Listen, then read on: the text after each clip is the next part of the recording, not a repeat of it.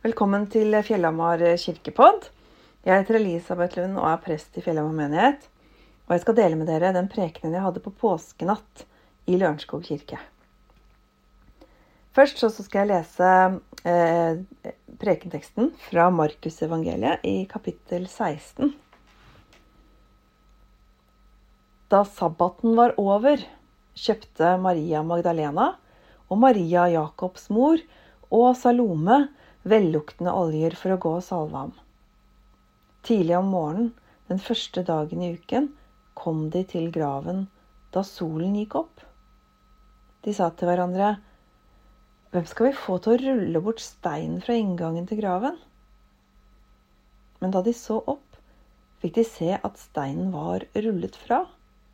Den var meget stor. Da de kom inn i graven, så de en ung mann sitte på høyre side kledd i en hvit, lang kjortel, og de ble forferdet. Men han sa til dem, Vær ikke forferdet, dere leter etter Jesus fra Nasaret, den korsfestede. Han er stått opp, han er ikke her. Se, der er stedet hvor de la ham. Men gå og si til disiplene hans og til Peter, han går i forveien for dere til Galilea. Der skal dere få se ham, slik som han sa dere. Da gikk de ut og flyktet bort fra graven, skjelvende og ute av seg. De sa ikke et ord til noen, for de var redde. Slik lyder Herrens ord. Det er natt. Noen kvinner går stille gjennom mørket. Salome, Maria og Maria. De har våget seg ut. Nå er sabbaten over. Hviledagen er holdt hellig og de kan gå til graven. De går gjennom mørket, nesten usynlig. Verden står stille. Opplevelsen fra fredagen før sitter fortsatt i kroppen. De har sett Jesus lide og kjent hvordan jorda rista under føttene da han døde. Døden bar med seg et mørke som skygget over håpet. Den står i veien for det de har hørt Jesus snakke om. Det er ingen av dem som tenker på at dette er den tredje dagen.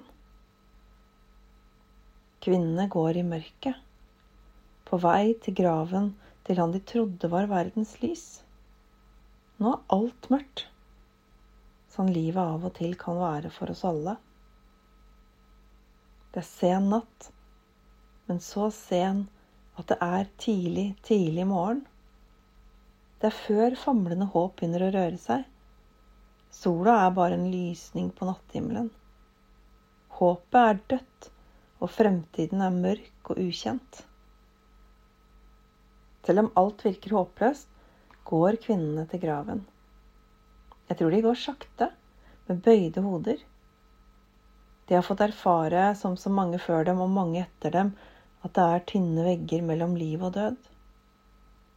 Døden har grepet tak i dem med sin fysiske smerte. Den som gjør kroppen tung å bære. Maria, Maria og Salome er fulle av sorg. Kanskje de også er redde for at noen skal se dem og kjenne dem igjen som noen som fulgte Jesus. Kanskje de er redde for hvordan livet nå skal bli, livet etter døden.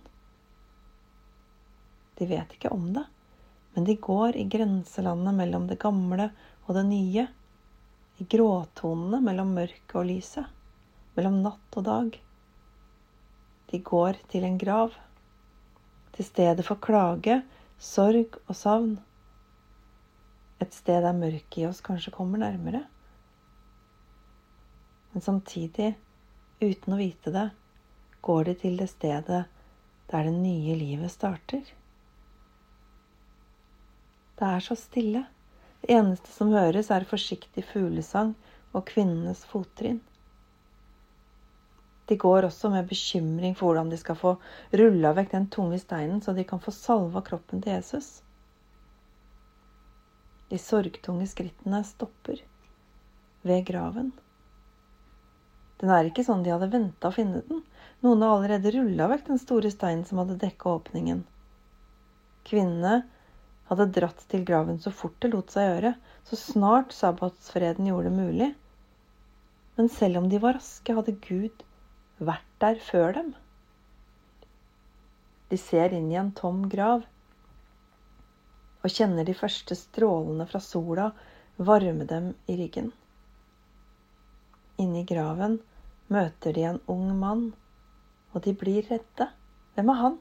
Hva har skjedd? Mannen møter dem som Gud ofte møter mennesker. Vær ikke forferdet, ikke vær redd, frykt ikke. Han forteller dem at Jesus er stått opp. Går det an å tro det? Går det an å tro at en som var død, har blitt levende? Går det an å finne tro og håp i en kald grav? I Markusevangeliet som vi bruker i dag, leser vi at kvinnene flykter fra graven, skjelvende og ute av seg. Det hjalp ikke å bli fortalt at de ikke skulle være redde. Det gjør ikke alltid det. Vi trenger mer. Vi trenger tid. Vi trenger nærvær. De har fått høre noe det ikke går an å fatte. De trodde de visste hvordan døden var, men nå er graven tom. De løper så fort bena kan bære dem. Bena har knapt kontakt med bakken. Forstanden har knapt kontakt med virkeligheten.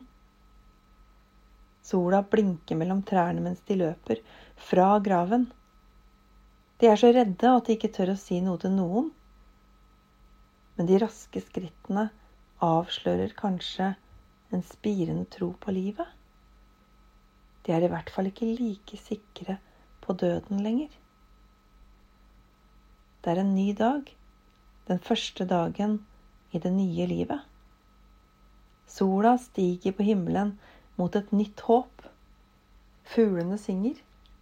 Håpet lever fordi steinen er veltet bort og vitner om at mye er forandret, og mye kan forandres. Ære være Faderen og Sønnen og Den hellige ånd, som var og er og blir en sann Gud fra evighet til evighet.